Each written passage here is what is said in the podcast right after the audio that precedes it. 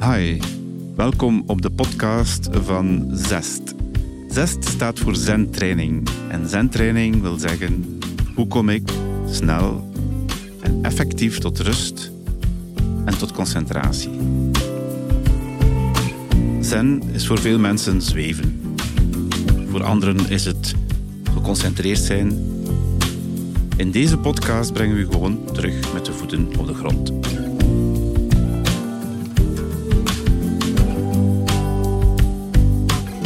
Wij nodigen iedere keer een gast uit die daar op een of andere manier iets mee te maken heeft, of zijn of haar voordeel bij doet.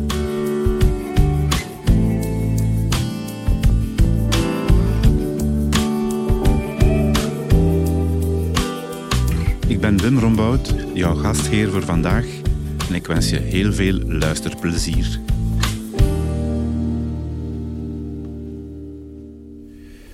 Welkom beste luisteraar. Ehm, ik zit samen met Elie de Prijker, muzikant ehm, en componist.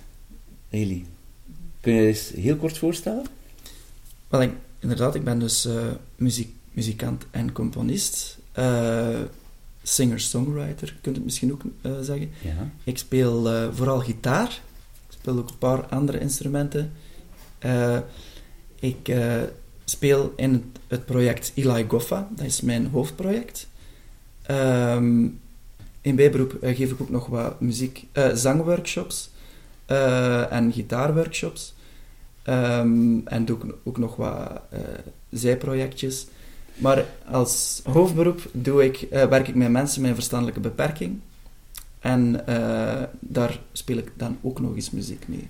Dus, dus eh, we hebben daar ook een band mee. Wauw. De Ups and Downs. De ups en downs. Ja, zeker opzoeken. Ja. Echt fantastische band. Oké. Ik hoop dat, we, dat ik er ooit nog eens mee mag gaan optreden, want het is natuurlijk jaren geleden. Ja, ja. En dat is mooiste wat er is, de Ups and Downs. De ups en downs. Dus Ja. daar kun je zowel je muziek als je sociaal werk Ja, combineren. klopt. Hè? Ja.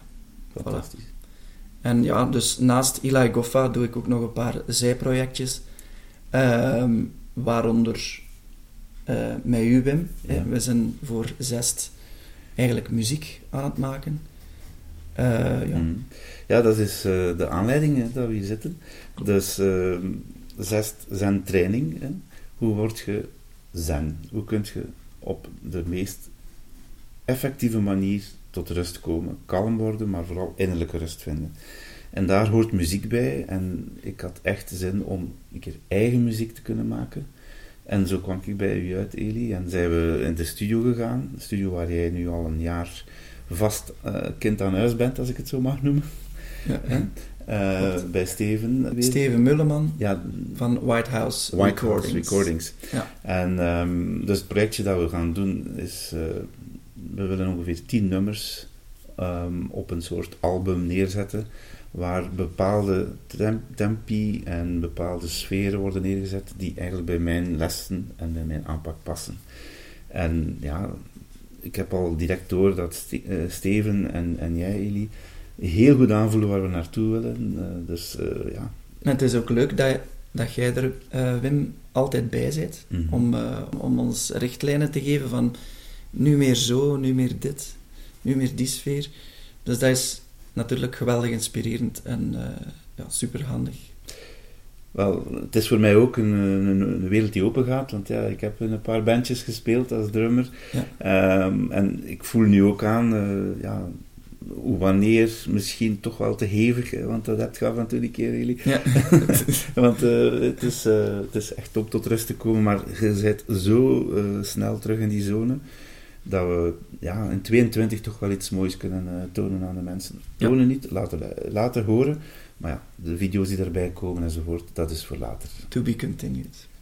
Zeg, we kennen elkaar al heel lang, hè? Ja. Allee, ja. Wat is lang? Eh, we kennen eigenlijk elkaar via via. Ja. Dus eh, als ik het goed begrepen heb, dan eh, zat mijn vader bij u op kot in Leuven. Dat klopt. En jullie eh, deden daar allemaal vreemde dingen, ik weet het niet. Eh, om te beginnen, wij waren daar student psychologie. Ehm, en ik heb dat exact één jaar uitgehouden en dat lag niet aan uw vader. Dat, lag, dat lag aan mijn speelsheid eh, tijdens eh, het studeren van statistiek. Want dat was het enige vak waarom ik eh, het niet gehaald heb. Oh ja. Maar ehm, nadien toch wel blij dat ik een andere richting kon, kon doen. Dus ik heb lichamelijke opvoeding gestudeerd. Ja. Ehm, ik ben dus turnleraar van diploma. Maar ondertussen heel veel dingen gedaan. En onder andere muziek gespeeld met u. Hè? ja, dat is waar. Een paar jaar geleden, Mhm. eh, dat was de laatste keer, op de trouw van uw dochter. Geweldig trouwfeest. Heel leuk om eh, muziek met u te mogen maken.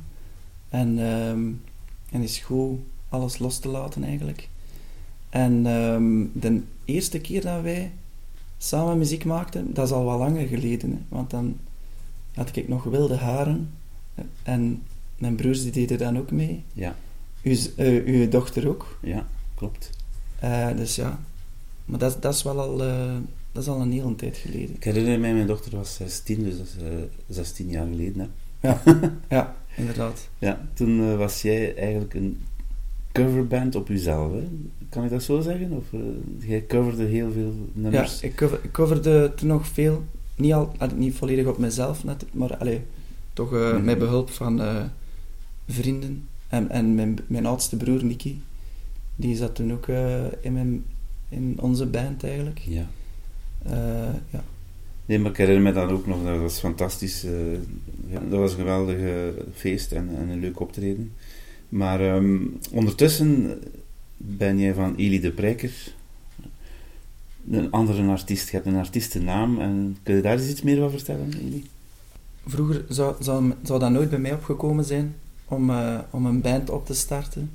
Eh, met, een, met mijn naam eigenlijk. Maar het is eh, een drummer waar ik toen mee samenspeelde, een goede vriend van mij, Joris de Bok, die, eh, die toen zei: ja, Jij zou eigenlijk een band moeten starten die uw naam draagt eigenlijk. En die ook volledig rond u draait. En dat was iets wat dat voor mij heel dat mij echt uit mijn comfortzone trok eigenlijk. Omdat ik ehm, het bandgegeven heel belangrijk vond toen. Mhm. Maar eh, die, de Joris die heeft mij dan eigenlijk ehm, veel eh, zelfvertrouwen gegeven op die manier eigenlijk. eh, zonder dat hij misschien bedoeld had, ik weet het niet. Maar toen zijn we Band of Eli opgestart. En dat was een ja, stevige bluesrock band. Want voor alle duidelijkheid, jij bent gitarist, zanger, componist, hè? Ja, ik, ben, ik speel, speel gitaar, eh, ik, ik zing eh, en, en ik probeer ook wat te compo- componeren. Ja. Dus vroeger was dat Band of Eli, en dat was een stevige ro- rockband. Mhm. Eh, maar dan ben ik een beetje meer akoestisch gegaan. En, en dan, is het eigenlijk, dan is de stijl wat veranderd. Ehm, en dan heb ik het veranderd in Eli Goffa. Mhm. Goffa, dat is de, de achternaam van mijn overgrootmoeder. Ik heb die zelf nooit eh, gekend. Mhm. Misschien dat jij ze nog wel gezien hebt. Ik, eh, nee, ik herinner het me niet. Nee, maar dat is eigenlijk de, de moeder van, eh van Godelief. Eh, en van mijn grootmoeder, daar de mama van. Maar ik heb die nooit gekend. Mhm. Die heet Goffa haar achternaam. En ik vond dat een heel toffe naam eigenlijk. Eh, en ook heel internationaal. Dus ze kunnen dat overal... Ja, het is wel Spaanse Spaans- roots? Spaanse Ja, roots. Ja, vandaar nu... Ja, ja. ja, die heeft eh, Spaanse roots. En Ik kan het zelfs aan u zien. ja, ja, ja, ja, ik heb ook nog twee druppels Spaans bloed eh, ah, ja. in mij. Goed. Soms merk ik dat wel, als ik wat te veel gedronken heb, dan begin ik Spaans te, te spreken. Ook zo, mijn, Ah, mijn vodka op mijn tong. Ah, ja. Ja. Oké. Dus kijk, eh, ik vond dat wel een toffe artiestennaam, Eli Goffa. En eh, voilà, zo is dat eigenlijk ontstaan. Mhm. En je speelt nu welke stijl vooral? Als je gaat optreden? Want ja, Eh, wel, ja, dus, ja dat, is, dat is eigenlijk zo wat de moeilijkste vraag. Omdat dat, ehm, ja, je probeert natuurlijk altijd een beetje een eigen stijl te creëren. Maar ik denk dat ik het niet kan wegsteken dat er veel roots-elementen in mijn muziek zitten. mhm. Dus rootsmuziek, zoals eh, eh, folk, eh, blues, Mhm. bluegrass, ehm Americana, soul, eh, funk. zo- ja, dat, dat, dat zit er, ja, ik denk. eh, maar, maar vind dat gevaarlijk om zo van die dingen te Ja. zeggen, want mensen klasseren nu dan meestal binnen een bepaald hokje. Maar als ik, als ik dat mag samenvatten, hoe, hoe ik jouw muziek beluister de laatste jaren, is toch zeer ruim denkend en, en er zit van alles in. En er zit altijd veel emotie in. Ja. Want dat is misschien leuk omdat de mensen die luisteren toch een keer het kunnen plaatsen. Uw laatste single, hoe gaat dat? Hoe, hoe, eh, hoe kun je dat beschrijven? Want voor mij is dat heel duidelijk, eh, maar ik ga dat nu aan u overlaten. Hoe, hoe beschrijf jij Lost Soul? Ja, Lost Soul. Ten eerste, dat is eigenlijk... ehm, dat is ook een verwijzing naar soul, eigenlijk. Dus ehm, ik vond dat ook wel een toffe, een toffe titel. Omdat dat eigenlijk... Omdat de, de soul, zoals dat die vroeger gebracht werd, die is ook wel een beetje verloren gegaan. Zo. Die is wat Mhm. onder, ondergesneeuwd geraakt mee. Als er nu soul wordt gebracht... Alhoewel, de, de, de soul begint wel wat terug te komen.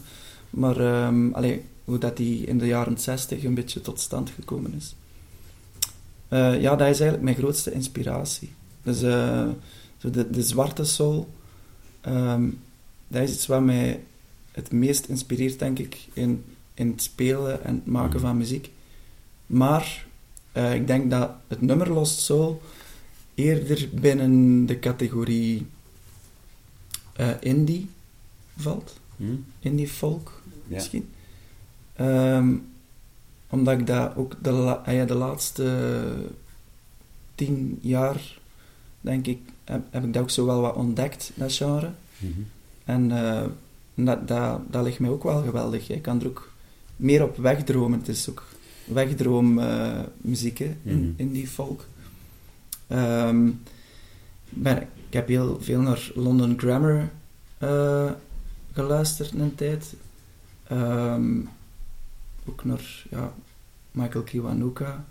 Eh, Ray LaMontagne. ehm, Daniel Norgren. Dat is ook wel terug wat meer bluesy, maar ook terug dat melancholische dat erbij zit. Ik hou wel echt enorm van die,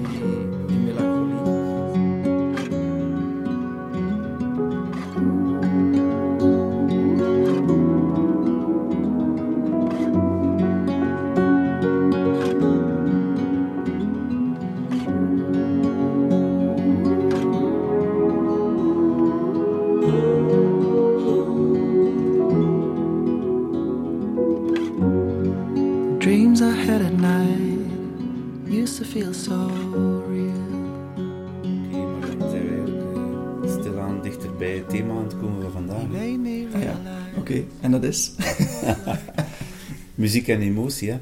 Ja. Hoe, eh, iedereen die, die, die luistert zal wel een nummer kennen waar hij of zij tranen van in de ogen krijgt. Of eh, juist omgekeerd heel blij wordt en eh, dat nummer luid meezingt onder de douche of achter het stuur in een auto, whatever.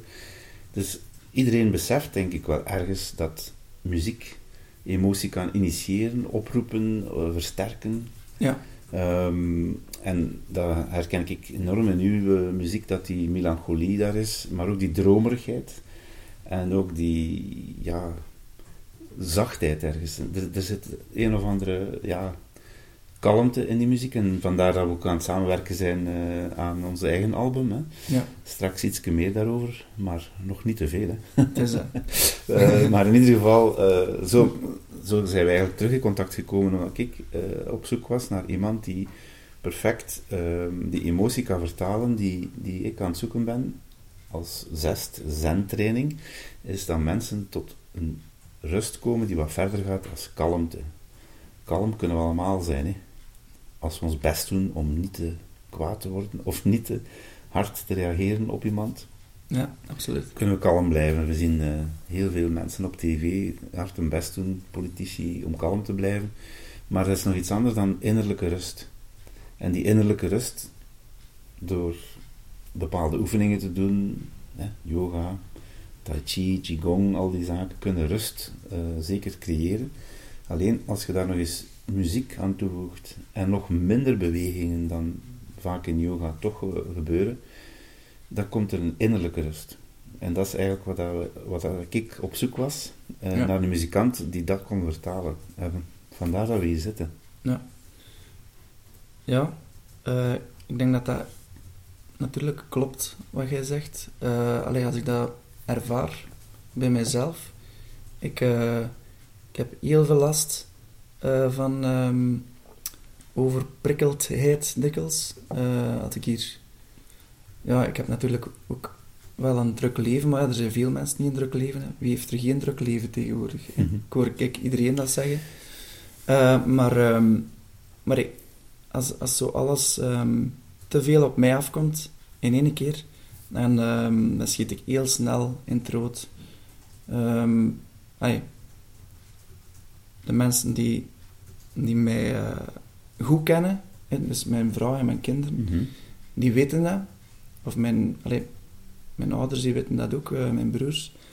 Eh, dat ik heel snel opvliegend kan zijn en heel snel, dat dat, dat heel snel ontploft bij mij. Ik ben een, echt een, eh, vulkaantje dat heel snel uitbarst. Eh, maar er is maar ja, één moment, of één gelegenheid, waar, waarbij dat, dat eigenlijk enorm onder controle wordt gehouden. En dat is als ik muziek, als ik in de muziek ga kruipen, als ik er eigenlijk bijna één mee kan worden, dat, dat ik voor de rest geen afleiding heb, dan, ehm, dan voel ik dat dat, ja, dat dat mij helemaal rustig maakt en dat dat mij ook een betere mens maakt, achteraf. Als ik dan Mhm. bijvoorbeeld een optreden gedaan heb, of een opnamesessie, Ja. met u bijvoorbeeld, Wim, dan, eh, en ik kom terug thuis, dan, dan lukt dat. Dan kan ik precies die drukte veel beter ordenen, Mhm. veel beter filteren, veel beter zeggen oh, stop, stop, eerst gaan we dit doen, wat is het probleem hier, pak het daar even aan, straks gaan we verder met dit. Dus ik kan plots veel eh, rustiger nadenken ehm, en ik voel, ik kan mijn, mijn emoties ook beter, eh, allee, die uitspattingen die zijn er niet meer. Dus het is niet dat je Mhm. geen emoties niet meer hebt, of dat je, niet, dat je je niet stoort aan bepaalde dingen, Mhm. dat ga ik niet zeggen, maar je kunt ze veel beter relativeren, precies. Ja. ja, want dat is eigenlijk wat er gebeurt in, in ons brein eh, als we naar muziek luisteren. Of zelf muziek maken is natuurlijk nog een ja, bijna exponentiële beleving. Hè. Ehm, als je zelf aan het muziek spelen bent, dan zult je nog meer in die zone zijn van diepe concentratie slash rust. Hè. Ja. Tenzij dat je heel wild speelt, maar dat was vroeger. Ja, ja, ja. ja af en Dat was- nog wel eens. Maar... Ja, natuurlijk. Dus, eh, maar eh, de rockmuzikanten nu zal eh, ook altijd verder gaan. Maar op een podium of in de studio merk ik een onwaarschijnlijke controle over die rust, over die gitaar, over het proces ook. Ehm, ik herinner mij, een paar dagen geleden zaten we in de studio en jij werd inderdaad zo perfectionistisch en geduldig. Ik heb het geteld, we hebben twintig keer één take opnieuw gedaan. Oei, ja. ja, dan weet ik nog niet of dat je dat hier moet vertellen op die podcast. Oké, maar ik bedoel maar, je was zodanig eh geconcentreerd en gefocust dat je niet bent uitgevlogen, en schwa- maar wel eh, nog een keer opnieuw, ja, oké, acht maten terug, tak, ah, ah. Ja. Dus die, dat is me echt opgevallen. Je was zo in de concentratie in de zone, maar als mensen naar uw muziek luisteren, naar andere muziek luisteren, om tot rust te komen, ja, je moet maar op YouTube eens kijken, relax music, dan krijg je onmiddellijk een miljoen eh, hits en dan krijg je van de heel melige soft lounge toestanden. Ja, inderdaad. Waar, ja, ik kan er niet naar luisteren, maar blijkbaar zijn er genoeg mensen die graag naar walvissen luisteren ondertussen. eh, Ja, of die, die het denken nodig te hebben. Hè. Ja. Dus dat, ik denk dat, dat dat vooral bewijst dat veel mensen op zoek zijn naar eh, kalmte in muziek. Eh, het uitsluiten van prikkels. En inderdaad, ja, ik word er zelf ook niet heel gelukkig van als ik die, die ja, vijf uur lange soundtracks hoor van een piano dat, dat, dat eh, duizend keer hetzelfde speelt. ja. Maar dat, dat ligt misschien wel aan, aan ons muzikant zijn, Wim. dat we dat horen. Hè. Dus dat dat terugkomt. Er zijn misschien mensen die dat, die dat misschien niet horen, of die, die, waar dat, dat gemakkelijker eh, naar de achtergrond gaat. Terwijl dat die andere dingen, dat die bijvoorbeeld aan het studeren zijn. En die Mhm. horen een, een, een pianomelodieken. Die, dat valt misschien niet op voor hen. Dat dat altijd maar terugkomt. En na, na een tijd zullen die zeggen van... Hey, we gaan er precies toch eens iets anders opzetten. Ja. Die, die zullen dat ergens wel voelen. Hm. Van, ja, dat is hier wel veel hetzelfde. Maar ehm, dat, ik denk dat dat wel verschillend is als je veel met muziek bezig bent, gelijk jij en ik. Mhm. eh, dat je dat, dat, je dat, dat u dat sneller opvalt, zo'n dingen. Dus dan hebben we ook wel zo dingen nodig, muziek. En dat is er nog te weinig, vind ik. Je gaat mij nu eh, een goede tip geven van de Marconi Union. Mhm. Dus dat, dat is iets dat je langer kunt volhouden, zeker als je echt wilt even een powernap nodig hebt of zo. Of wilt inslapen. Allee, dan, dan vind ik dat wel echt eh, iets, iets zeer goed. Omdat dat ook muzikaal interessant blijft. Hè. Wel, nu zijn we er. Hè. We, we spreken over muziek en emotie. We zijn aan het spreken over muziek die tot rust brengt. Dat is eigenlijk het thema waar we naartoe willen. Er is genoeg muziek die agressie kan oproepen ook. Hè. De, de, de metal en noem maar op. Maar ook dat is een uitlaatklep en ook daar heb ik totaal niks tegen. Ik vind het zelfs fantastisch. Ja. Ehm, maar ik ben ook eh, naar Rockwerchter nog geweest enzovoort. Niet naar Graspop, maar laat ons wel. In ieder geval, allee, ik, eh, ik was eh, in mijn jonge jaren ook fan van Deep Purple enzovoort. Maar ik wil gewoon maar ehm, het mechanisme even eh, blootleggen van hoe mensen echt tot rust komen. En inderdaad, als je kijkt op YouTube, sommige muziek die ik, zoals jij, ah, maar herhalen en maar hetzelfde, Mm. toch 20 miljoen keer bekeken. Hè? Ja. Terwijl Ja. Lost Soul, ik weet niet hoeveel keer, Nou, nog, nieuwe single, nog geen miljoen. maar eh, toch al een aantal duizenden keren. Eh, maar een- ik zou zeggen, eh, voor elk muziekgenre is er een publiek en die muziek doet iets anders met die mensen als met de andere mensen. Ja. Maar wat mij enorm fascineert, is dat er ook muziek is die heel veel mensen bereikt. En niet alleen dat, die dat als achtergrondmuziek opzetten door te studeren, of eh, in een atelier terwijl dat ze aan het beeldhouwen zijn, whatever. Mhm. Maar echt om naar te luisteren. En dat vind ik wel bij uw muziek en bij uitbreiding onze muziek Ja. eh, op het zesde album binnenkort, dat, dat we op zoek zijn naar iets dat blijft toch spannend zijn en toch ontspannend is. Ja, klopt. Ja. En wat is volgens u daar... eh, ja, het recept is nogal ver gezocht, maar Ja, wel. hoe, hoe, hoe pak je dat Ehm, aan? Want, Ik wil even terugkomen op die metal. Ik ken veel eh, metalheads, zeg maar, eh, van die me- metalmuzikanten. En dat zijn hele rustige mensen als je die, als je die dikwijls tegenkomt. Heel, Ja. heel sympathiek. Eh, Graspop is ook gekend als festival waar dat er eigenlijk het minste eh, toestanden zijn, eh, het minste Mhm. gevallen, omdat het publiek dat daar naartoe komt zich dikwijls eh, het best kan gedragen, blijkbaar. ja, ja, ik snap het. Allee, ik weet niet of dat klopt, maar dat zijn de geruchten die eronder doen. Mhm. En ik geloof dat ook wel. Ik denk dat, dat je vooral als persoon moet op zoek gaan naar ja, waar dat je het, jezelf het beste bij voelt achteraf en, en waar dat je het meest je ei in kwijt kunt. En, en de grootste gemene deler, zeg maar, ehm, in muziek, ja, groot publiek bereiken, hmm, dat, is, dat, dat weet ik niet.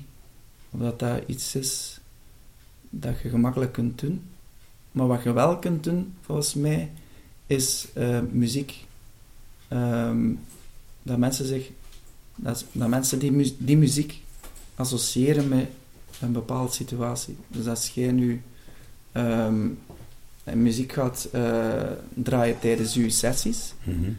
dan gaan mensen, als ze die muziek eh, terug horen thuis, gaan ze misschien terug met gedachten bij je sessie zijn. Dat denk ik wel dat dat ook eh, een kracht is van muziek. Dus als mensen muziek horen, dan, dan, dan zijn er altijd associaties, denk ik, die, ge- die gemaakt. Dus ehm, ja, en als dat positieve herinneringen zijn, aan bijvoorbeeld een eh, kamp waar dat je ooit geweest bent. Bijvoorbeeld, er is zo ene cd, Californication, van de Red Hot Chili Peppers. Ja, ja, tuurlijk. En eh, als ik eh, vroeger met de 14-jarigen eh, op het CM-kamp ging, op CM-kamp, Ja. en, ehm, dan zetten ze die elke morgen op. En ook overdag, maar we, we stonden er eigenlijk mee op. Dat was onze wekker en ze zetten die volle bak in de gang op. En eh, ja, en dat was ook zo, heel dat kamp, was er zo een en die zei van, ik had mijn gitaar dan ook mee en die zei, ja, kun je, kun je dit nummer eens proberen spelen? En ik heb dan zo al die nummertjes proberen naspelen. Ehm, dus als ik, die, die, eh, als ik daar een nummer van hoor, van die album, Ja, eh, dan, dan word ik gewoon echt terug gecatapulteerd naar die periode, naar die naar week, dat kamp. naar dat kamp dat Ja. we, dat we eh, op CM waren, in Zwitserland. Ik vond dat, ja, vond dat geweldig, dat kamp. Maar stel nu dat dat echt een kamp was vol pestkoppen. En dan weet ik Mhm. niet of dat ik die muziek ook zo goed nog zou vinden. Wel, daar kan ik u wel een, eh, een antwoord op Ja, geven. voilà. Eh, in die zin dat het is veel onderzocht hè, wat dat muziek met ons doet en ons brein. En eh, zoals je net zei, als je in, in je muziek zit en we hebben een dag in de studio gezeten, nadien kunnen dingen veel meer rel- relativeren. Dat is heel simpel. Muziek gaat erin langs de oren, maar dat duurt maar een milliseconde of dat zit in je brein. Hè. Mm. En daar wordt dat geassocieerd met geheugen, vooral. En eh, ik ga je de techniciteit besparen, maar dan toch, we slaan het op. Maar ondertussen kunnen we er ook van genieten, of kunnen we er net niet van genieten, en worden we er ambetant van, of kwaad, en zet die muziek af, dat is te luid, zo'n dingen allemaal. En de associatie die wij doen, die wordt opgeslagen. Maar als je alles altijd zou herinneren, dan zou je gek worden natuurlijk. Ja. Maar op het moment dat die muziek terugkomt, dan wordt die herinnering ook weer levend gemaakt. Dus Californication, 14 jaar in Zwitserland. En uw brein geeft dezelfde stofjes af. Hè. Dus weer krijg je een dopamine shotje. Mhm. Krijg je gratis wat oxytocine, want je hebt daar waarschijnlijk geknuffeld op je 14 jaar. Dat ga ik hier niet, eh zeggen. Maar ook, oxytocine is ook eh, zonder knuffelen, maar als je gewoon met mensen in dezelfde ruimte zit. Ja. Als ik mijn les geef in eh, de fit-out in Destelbergen, met drie, of meestal is het wel met 15 of 20 mensen. Ondanks de corona, we mogen tot 19 gaan. En eh, om voldoende afstand te houden, maar dan merk je een andere atmosfeer, er zit een andere sfeer, en dat geeft in je brein dan die eh, andere hormonen, waardoor dat je nog in een diepere ontspanning geraakt. Ja. Hm? Mhm. En daar leg ik uit, eh, probeer ik uit te leggen nu, dat die associatie in mijn les van de muziek die wij daar spelen, thuis kan terugkomen. Ah, ik lag er op mijn matje. Ik was compleet ontspannen. Mhm. Zoals dat jij compleet weg waart in de bergen van Zwitserland, 14 jaar, met je gitaar, eh, Ja. de Chili Peppers aan het spelen was. Mhm. En die associaties, het goede nieuws is dat je die zelf kunt initiëren door dagelijks een aantal minuten ofwel te mediteren, als je het zo wil noemen, ofwel muziek te spelen, ofwel naar muziek heel aandachtig te luisteren en dan je ademhaling erop af te stemmen. Mhm. En dat is wat wij nu aan het proberen te realiseren zijn om in 22 aan de mensen die niet naar die lessen kunnen komen, thuis te kunnen aanbieden. Ja. Om ook met die associaties van vroeger aan mooie momenten herinnerd te worden. Ja. En vandaar dat ik me zeer goed kan inbeelden, Eli, als jij terug gaat denken aan die situatie met eh, de christelijke mutualiteit in der tijd, dat u daar een goed gevoel geeft. Ja. Dus als jij nu als muzikant optreedt, hoe is dat dan voor u als je ziet dat die zaal ook interactie heeft met u? Ook al zijn het vandaag een dag minder mensen dan vroeger, maar Ja. Ja, wat doet dat voor, u? voor mij maakt dat niet veel verschil, eerlijk gezegd, want ik, eh, ik speelde al voor niet zoveel mensen. Allee. Dus eh, Maar op, als ik mag onderbreken, op onze boekvoorstelling Focus via Pace, herinnert u, vier jaar geleden, ja, in eh, Gent, de Zebrastraat, dat waren toch meer dan 100 mensen.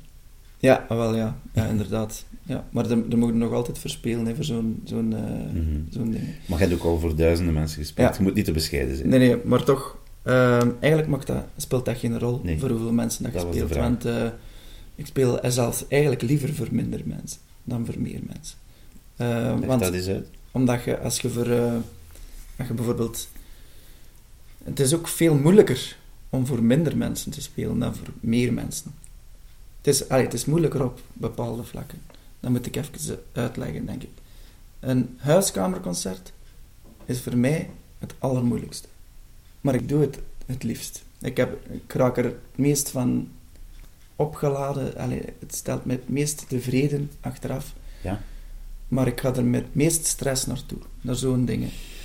En waarom is dat? Omdat je echt... Je zit bijna op die mensen hun schoot. Mhm. Je kijkt ze recht in de ogen. Nu, ja, ik vermijd oogcontact als ik muziek speel. Mhm. Dus ik kijk dan meestal ja, soms onbewust naar de mensen hun benen. Oké. Sommigen vinden dat wel ongemakkelijk misschien, ik weet het niet. Of naar de schoenen. In ieder geval, ik, ik richt mijn blik naar beneden. Ik. Maar ik ontvang wel heel veel signalen van hoe dat de mensen die muziek beleven. En dat inspireert mij. Dat, dat inspireert mij. Hoe dan mensen reageren op wat jij brengt. Ja, niet alleen in huiskamers, maar ook... Allee, in, in grotere... In- als je in een stad Schouwburg speelt, is dat natuurlijk moeilijker. Dan zitten er ook veel spots in het gezicht. Dus dan zie je eigenlijk maar vaag de eerste drie rijen. Eh, dan vind ik dat minder persoonlijk. Voor mij is dat ook... Dat zijn ook mijn minder persoonlijke optredens. Dan, dan is het muzikaal misschien wel in orde, maar als je dan zo echt een verhaal probeert te ver- vertellen, dan geraakt het minder diep, vind ik. Dan geraakt het Mhm. minder in interactie, uiteraard. Mhm. Maar voor een, eh, een kleinere groep, meestal ga ik wel spelen in, in theaterzaaltjes in Nederland. Ja. En dan, eh, Nederlanders zijn ook openlijker, Mhm. meestal, dan Vlamingen. Eh, en dan zie je die ook reageren en dat vind ik geweldig. Als, als mensen, bijvoorbeeld, als ik vraag om, of als ik gewoon suggereer van, kijk, we gaan even alles vergeten in deze kutperiode. Mhm. Eh, en we gaan er even niet aan denken. We kruipen gewoon even volledig in de muziek. Dus ik neem jullie even mee op reis. Hm. En je mag gerust je ogen sluiten. En ik begin dan te spelen, Written in the Stars. En dan, dan zie je gewoon dat mensen dat ook effectief doen en dat ze zo beginnen meewiegen op de muziek en mijn ogen toe. En Goh. zo nee knikken en... en ja, nee knikken, dat is meestal positief in de muziek. Als mensen nee aan het knikken zijn, dan vinden ze het heel goed. Ja, de Indiërs doen dat altijd. hè. Ja. dus eh, dat, dat, is, ja, dat is natuurlijk wat dat u als muzikant doet zweven op het podium. Maar misschien is het een goed moment om een keer eh, een heel klein stukje Written in the Stars te laten horen nu. En dat de mensen die nu luisteren even kunnen neeknikken van, oh, en wat doet dat met mij?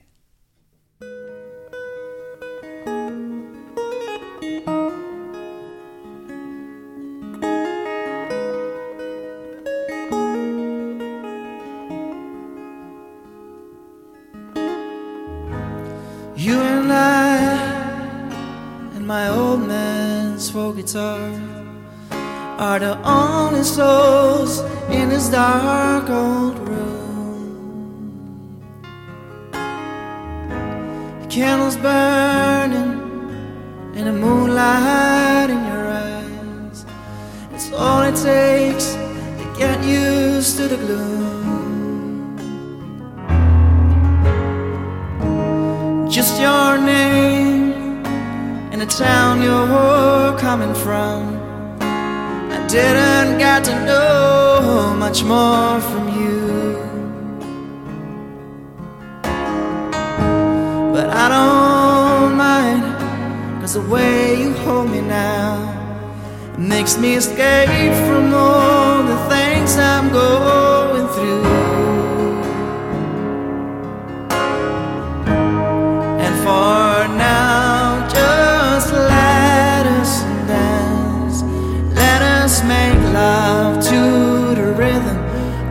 Our hearts. Let's not think about tomorrow. Just don't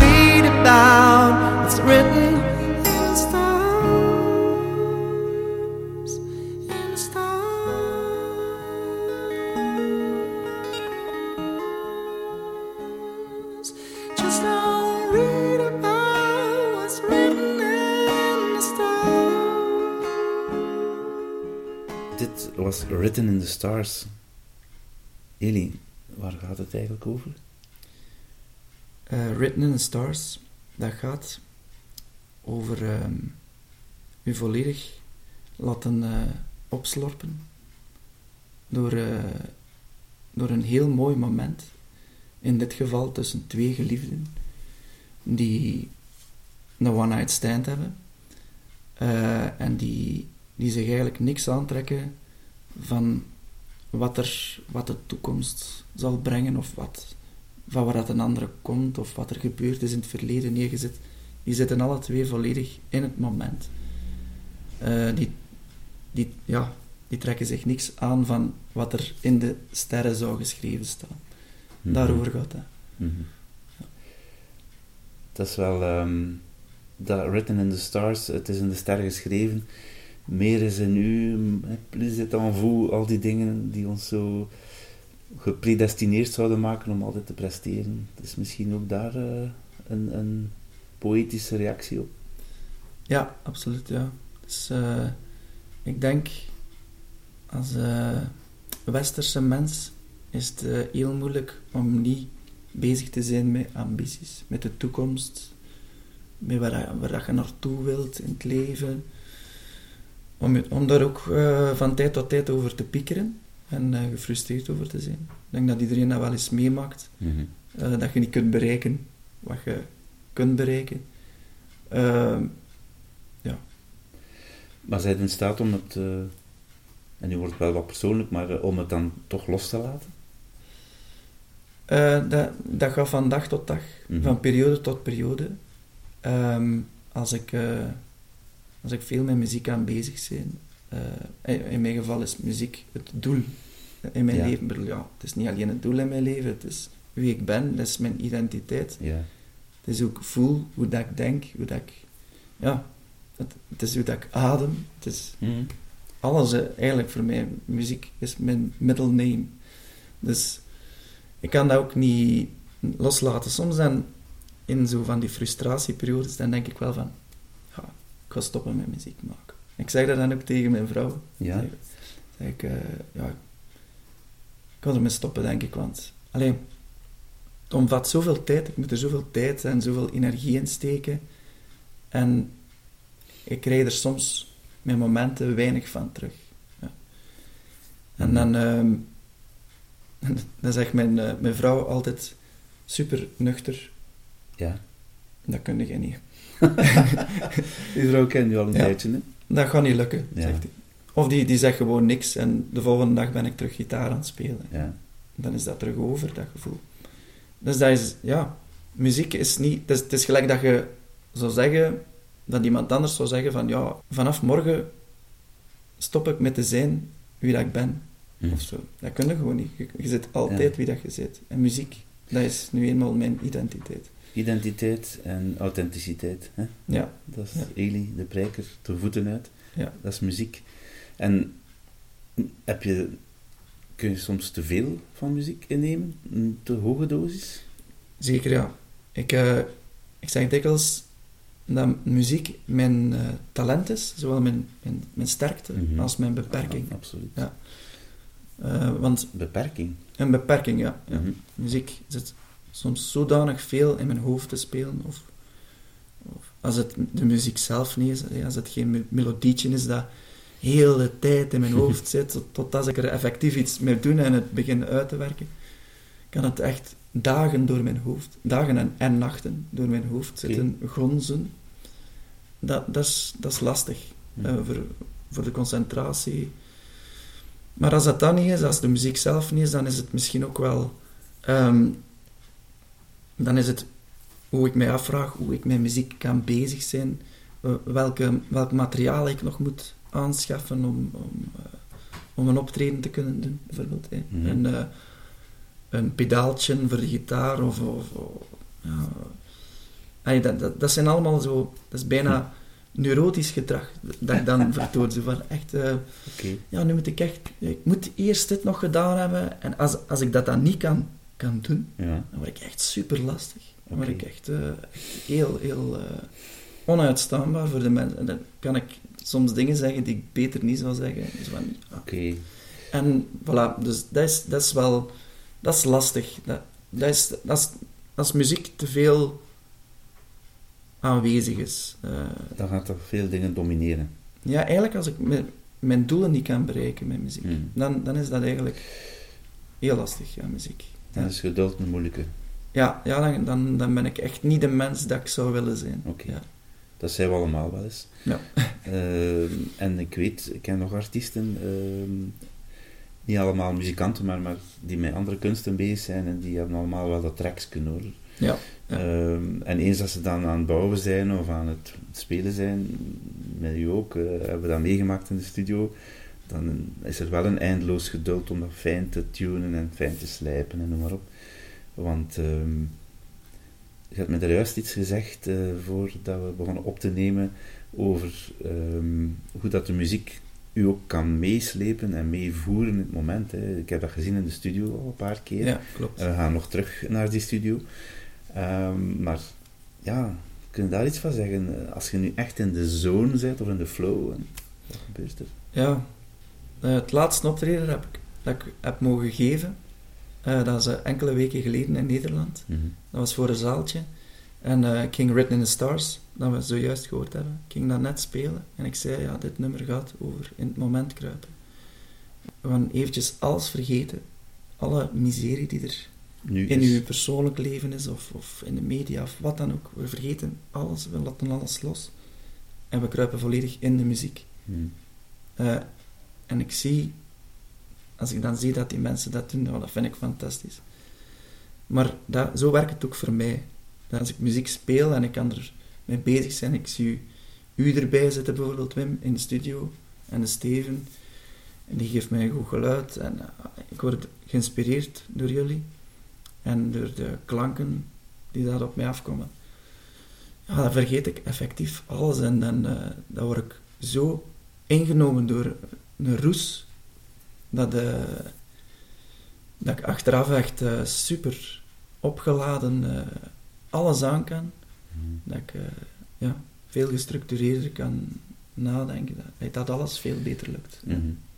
En ook daar is wetenschappelijk onderzoek naar gedaan en het is exact, niemand zou het beter kunnen beschrijven, denk ik, als er geen doet, exact wat er eigenlijk gebeurt als, als dat binnenkomt, die signalen, als je die ervaring hebt, ook met twee, drie mensen in een studio waar je op je gemak zit. Ehm, ik heb onlangs nog eh, ook gelezen over hoe een wereldhit was ontstaan met Kylie Minogue. ehm, omdat er koekjes waren in de studio. En wij hadden nu ook koekjes in de studio, dus ik moest daar gewoon aan denken. Ehm, het zou moeten lukken dat wij nu een wereldhit gaan, eh, gaan hebben die jij geschreven hebt en die ik mag produceren. Maar in ieder geval, de sfeer die je samen creëert, die gaat natuurlijk je naar een ander niveau brengen als muzikant. Omdat je gewoon die emotie op dat moment al voelt. En dan weet je dat die luisteraar dat ook gaat meemaken. Want als je zelf niet goed voelt, kun je ook niet goed spelen, denk ik. Hè? Dat is wel belangrijk. Dus ik denk dat dat, dat echt alles bepalend is. Als je jezelf als muzikant, als je niet in je naak zit, dan gaan die eerste nummers waarschijnlijk ook nog niet echt spot-on zijn. En dan gaan ook de mensen nog niet daar kunnen raken. Of je moet natuurlijk je zo slecht voelen dat je dat ook laat doorschemeren in, die, in een triestig nummer bijvoorbeeld. Ah, dat erbij dan. aansluit. Ja, bijvoorbeeld iets bluesy. Mhm. Maar ook iets melancholisch eh, kan dat zijn. Mhm. En dan kunnen mensen daar ook door ontroerd zijn. Dat vind ik eigenlijk minstens even belangrijk, want ik vind dat wij allemaal heel hard gefocust zijn op we moeten gelukkig zijn. Gelukkig zijn. Mhm. We, moeten, we moeten blij zijn. Ik wil alleen blije muziek, ik wil feel good. Ik begrijp dat ook wel. Ik, ik word soms ook blij van feel good muziek. Maar meestal niet. Ik kan veel meer genieten van dingen die meer aansluiten bij het moment. Bijvoorbeeld dat nu, met deze corona-toestand, kan ik echt wel genieten van eh, ja, intieme, rustige, melancholische muziek Mhm. die echt snijdt in de ziel. Dat vind ik veel, daar heb ik veel meer aan persoonlijk. Dan, maar ja, dat, dat, is, dat is voor iedereen persoonlijk Dat natuurlijk. is inderdaad. Ja. Maar dat vind ik, ik vind dat we er wel allemaal heel hard op gefocust zijn. Van het moet het moet, eh, ik moet mij terug content voelen. Ik moet mij, eh, en dan denk ik dat je muziek verkeerd inzet op een bepaald moment. Ik denk dat je echt muziek moet zoeken die dat het meest aansluit bij het gevoel van het moment. En waardoor het gevoel van het moment ofwel versterkt wordt. Hè? Als je zegt, ik ben nu rustig, ik ga naar rustige muziek luisteren, of ik wil Ja. nog iets, die inner peace, die innerlijke rust voelen. Ofwel, ik voel me een beetje tristig, ik ga een zware plaat van eh, Beethoven opleggen, waar dat echt ook nog meer tristesse in zit, om mij volledig erin te gooien. Dat kan een keuze zijn. Of ik ga toch iets luchter kiezen, eh, iets van Eli Goffa, waarbij ik kan wegdromen en eh, aan die One Night Stand misschien denken. Ja, tuurlijk. hè. Maar dus je kunt heel veel zelf bepalen. Ja. En dat is eigenlijk wat, ik naartoe wil van als ze onze muziek en onze video's daarbij en onze oefeningen daarbij zouden kunnen doen. Mhm. En de oefeningen gaan over ontspannen worden door ademhaling en positieve gedachten zoeken. Waar het, het woordje moeten vervangen wordt door willen, kiezen of laten gaan. En dus het moeten is iets wat dat ons allemaal beheerst en domineert. Oké, uiteraard, dat is wel op zijn plaats als je presteert, als je werkt voor een baas of voor jezelf. Mhm. Als jij zegt, ik moet dat nummer op papier zetten en ik moet de pedaalke kopen, want anders, ik moet die, dat is- ik heb u vandaag ook al een paar keer moeten horen zeggen. En toch heeft dat zijn moment, aan de andere kant, het willen, het rusten, het niet meer moeten. Dat is eh, eigenlijk waar wij eh, aan aan het werken zijn. Hè? Ja, zeker. Maar dat, dat, is, dat is iets dat denk ik veel mensen moeten leren. Eh, Moeten ze dat leren? Ah, je moeten. ja, Daar zijn we weer, hè? Moeten doen wat ze willen natuurlijk. Ze kunnen- Maar eh, ik zal voor mezelf spreken. Dat is, dat is mijn grote uitdaging, vind ik. En waar Mhm. ik nu de laatste jaren eigenlijk wel wat in begin te slagen, dat is ja, dat ik eigenlijk begin te, begin te zien en begin te waarderen wat ik heb hier rond mij. En dat ik daar gewoon, dat ik dat herontdek en dat ik ervan geniet eh, dat ik dat heb. Ik heb, ik heb een gezin, ik heb een dak boven mijn hoofd. Ik heb, eh, ik heb veel gitaren, ik heb piano staan. Ik, allee, ik ben eigenlijk, eh, ik, heb, ik heb een job en, eh, die ik ook graag doe. Dus ik probeer, er, probeer mij meer daarop te focussen en minder op hetgeen waar ik eigenlijk, ja, die jongensdroom die ik nog altijd wil bereiken, is dat, is dat eigenlijk wel zo belangrijk om echt die, die wilde dromen die je zo hebt. Ja, je moet dat allemaal soms een beetje in de vriezer steken, vind ik. En, Ja, eraf en, ja. en er misschien eens uithalen bij tijd. En zeggen van, oké, misschien is het nu de moment. En is het niet de moment? Oh, zeg. Zo slecht heb ik het nog niet. Maar dat, ik, zeg, ik zeg dat nu wel, maar dat is, dat is met momenten veel moeilijker. Mhm. Eh, maar eigenlijk ik denk dat een beetje door de, door de lockdowns en de, het thuiszitten met gezin, dat dat eigenlijk pas mij echt doorgedrongen is dat dat eigenlijk heel belangrijk is in het leven. Dat je, dat je, eh, dat je goed overeenkomt met elkaar, eh, dat je een goed gezin hebt. Dat, dat is veel waard gewoon. Eh, als je dat kunt bereiken, of, of, of als je content zit helemaal alleen, dan is dat ook goed natuurlijk. Amai, het wordt heel filosofisch Ja, eigenlijk, ja. want de mensen die luisteren weten niet dat uw gezin bestaat uit vier kinderen hè? Ja, ja, dat klopt. en dat is, dat is heel druk. en een fantastische vrouw. Ja, absoluut. Maar, en dat, dat, is, dat, is mijn mom- ja, dat is eigenlijk constant van hier naar daar eh, tegenwoordig. Mhm. Maar als we allemaal samen thuis zijn, dan is dat het schoonste wat er is. En eh, ja. En dan pakt ze soms ook uw gitaar. Oh ja, maar die, die gitaar eh, die heb ik nooit losgelaten. Mhm. Want mensen zeggen altijd, ja, ja, je zal nu wel wat minder muziek spelen, zeker. Nu dat je, nu dat je kinderen hebt. Mhm. Nee, dat is niet. niet zo. Ik, ik blijf muziek spelen en ik denk wel dat dat voor die kinderen al eerder een achtergrondgeluid is. Die, die letten er niet zo op. Oké, behalve in uw laatste single dan. Ja, ah, ja, ja, ja. Want uw oudste dochter, 12 jaar. dat is juist. Ja, dat, dat is ook nog een, een, leuk verhaaltje. Mhm. Is met onze lockdown in de paasvakantie. eh, we hadden een quarantaine, excuseer, in Ja. de paasvakantie.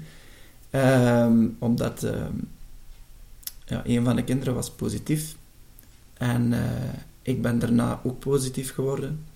Gelukkig eh, hebben we er eigenlijk weinig last van gehad. Mhm. Dus we zaten eigenlijk met heel het gezin ja, gezellig thuis. Hè. We hebben dat zo gezellig mogelijk gemaakt. Ik was natuurlijk veel muziek aan het spelen. Ik zat eigenlijk toen volop in opnames. Voor Lost Soul, onder andere. Ik wou eigenlijk een duet maken van Lost Soul. En ik Mhm. wou... Ik was weer heel ambitieus. Te ambitieus. Ik wou een iets, of, iets wat bekende zangeres eh, zoeken. Waarmee ik, eh, waarmee ik dat een, du- een duet zou kunnen eh, zingen. Mhm. Ehm, maar, dus ik was de, de vrouwelijke partij aan het uitwerken met mijn kopstem.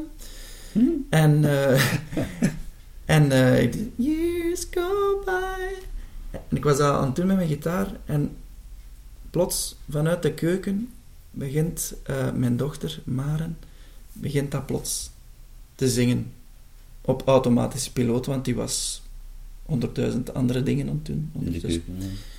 En ik dacht, my, dat was echt, dat was goed. Dus ik, ik, dacht, ik dacht eigenlijk ook van, dat haar, haar stem nog kind was, maar die is op korte tijd veranderd. Oké, Die is 12 jaar nu en dan gaat het allemaal heel snel. oké. dat weet ik ook wel. Eh, en eh, ja, ehm, ik zei, Mare, kom eens even naar papa. Eh, ik zei, wil je dan nog, nog eens zingen? Dus ik, ik begin gitaar te spelen, ze, ze begint dat te zingen. Ik begin mijn stem te zingen. En ja, dat blendt fantastisch goed. Ik neem dat, Wow. hier, ik neem dat op. Eh, ik maak er een demo van, ik stuur dat naar, naar Steven en die zegt, ja, doen hè. Opnemen hè. Dus, Steven is eh, eh, onze technicus. ja, dat is een technicus van eh, White House Recordings. Ja.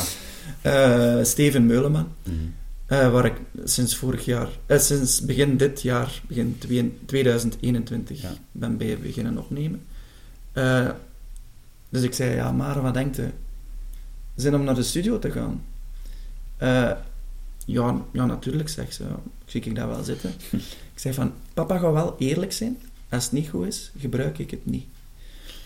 Ja, maar dat is geen probleem. eh, ik wil dat gewoon eens doen. Ik wil dat wel eens zien eh, en eens doen, Ja. naar de studio gaan. Ze is heel...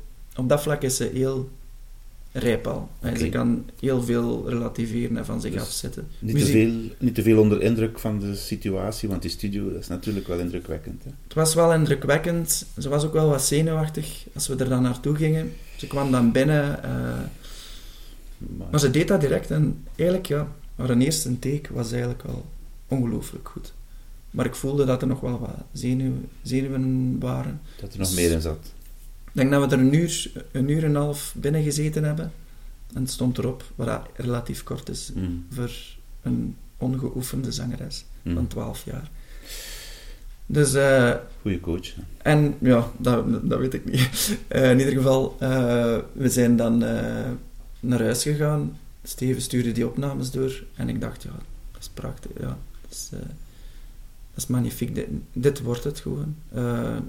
Dus ik ben eigenlijk onmiddellijk gestopt met zoeken ook naar, eh, naar bekende zangeressen. En- En ik heb omarmd wat dat, wat dat eigenlijk vlak voor mij eh, stond. Ja. En, eh, en dat was, ja, dat is waar het aan toe om gaat, ja, inderdaad. Ja, wel, maar dat is een prachtige geschiedenis. Het is geen verhaal, het is echt gebeurd verhaal. Maar om, om die metaforen die er al lang bestaan, we kijken soms heel ver vooruit en we vergeten wat er voor onze neus ligt. Ja. En bij u is dat uw eigen dochter die daar stond in de keuken, die even meezingt, maar jij wel de cool gaat als daddy, daddy cool, om te zeggen, hé, hey, wacht een keer, dat kan interessant zijn. En dat gaat hier niet over ehm, iets besparen of iets anders niet doen. Het gaat over wat je wel gedaan hebt. Ja. En dat vind ik, dat is in de benadering van Zest, het positieve naast de ademtechniek en het positief denken. En je eigenlijk onmiddellijk geanticipeerd, gereageerd op wat er voor u zich aandient. Mhm. hè. En als we dat allemaal een beetje meer zouden doen, en nu Ja. wordt het ook weer filosofisch, maar dankzij, want ik zeg soms ondanks, maar dankzij de situatie die we gedwongen eh, ondergaan, zijn er veel mensen die filosofisch een tour aan het opgaan. Mhm. En ik geloof echt wel dat, hoe negatief het ook is voor de mensen die eraan eh, geleden hebben en, en zelfs aan gestorven zijn. Zeker, ja. Dat, is, dat, dat mogen we ook niet eh, onderschatten. Nee, absoluut. Maar de veerkracht die we allemaal hebben om nu te zeggen, kijk, wat heeft ons dat bijgebracht? Je hebt er juist heel mooi over je kinderen, over je gezin, over je momentum gesproken. In het nu zijn, dat is eigenlijk hetgeen waar dat het over gaat. Hè. Dat is de grootste oefening. En als ik daar nog één ding over mag zeggen, er is Ja. een nummer van Crosby, Stills en Nash, en dat, dat heet If you can be with the ones you love, love the ones you're with. Wauw.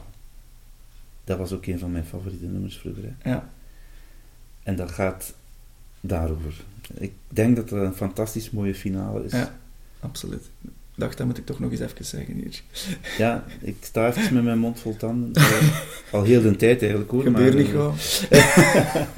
maar dan letterlijk, eh, de tanden zitten er nog allemaal in. Maar ik vind wel, Eli, dat we een aangenaam gesprek gehad hebben. En eh, Zeker. ik, heb, allee, ik heb alleen maar woorden van dank en zeer veel respect eh, voor uw eh, geduld. En maar ook nog veel meer voor uw competentie als componist, gitarist, muzikant. Ik hoop dat we nog veel tijd samen kunnen doorbrengen. En ik hoop ook dat de luisteraar hier wat ideeën heeft opgedaan. Ehm, we gaan in de, in de notes, in de footnotes, nog wel wat linkjes leggen met de muziek die jij fantastisch vindt, die jij eh, goed vindt. En natuurlijk, ja, Lost Soul. Mensen, luister het maar heel veel, want je gaat helemaal wegdromen. Het is meer dan de moeite. Bedankt, Eli. Graag gedaan. Bedankt voor het luisteren en willen meer? zentraining.be Altijd welkom.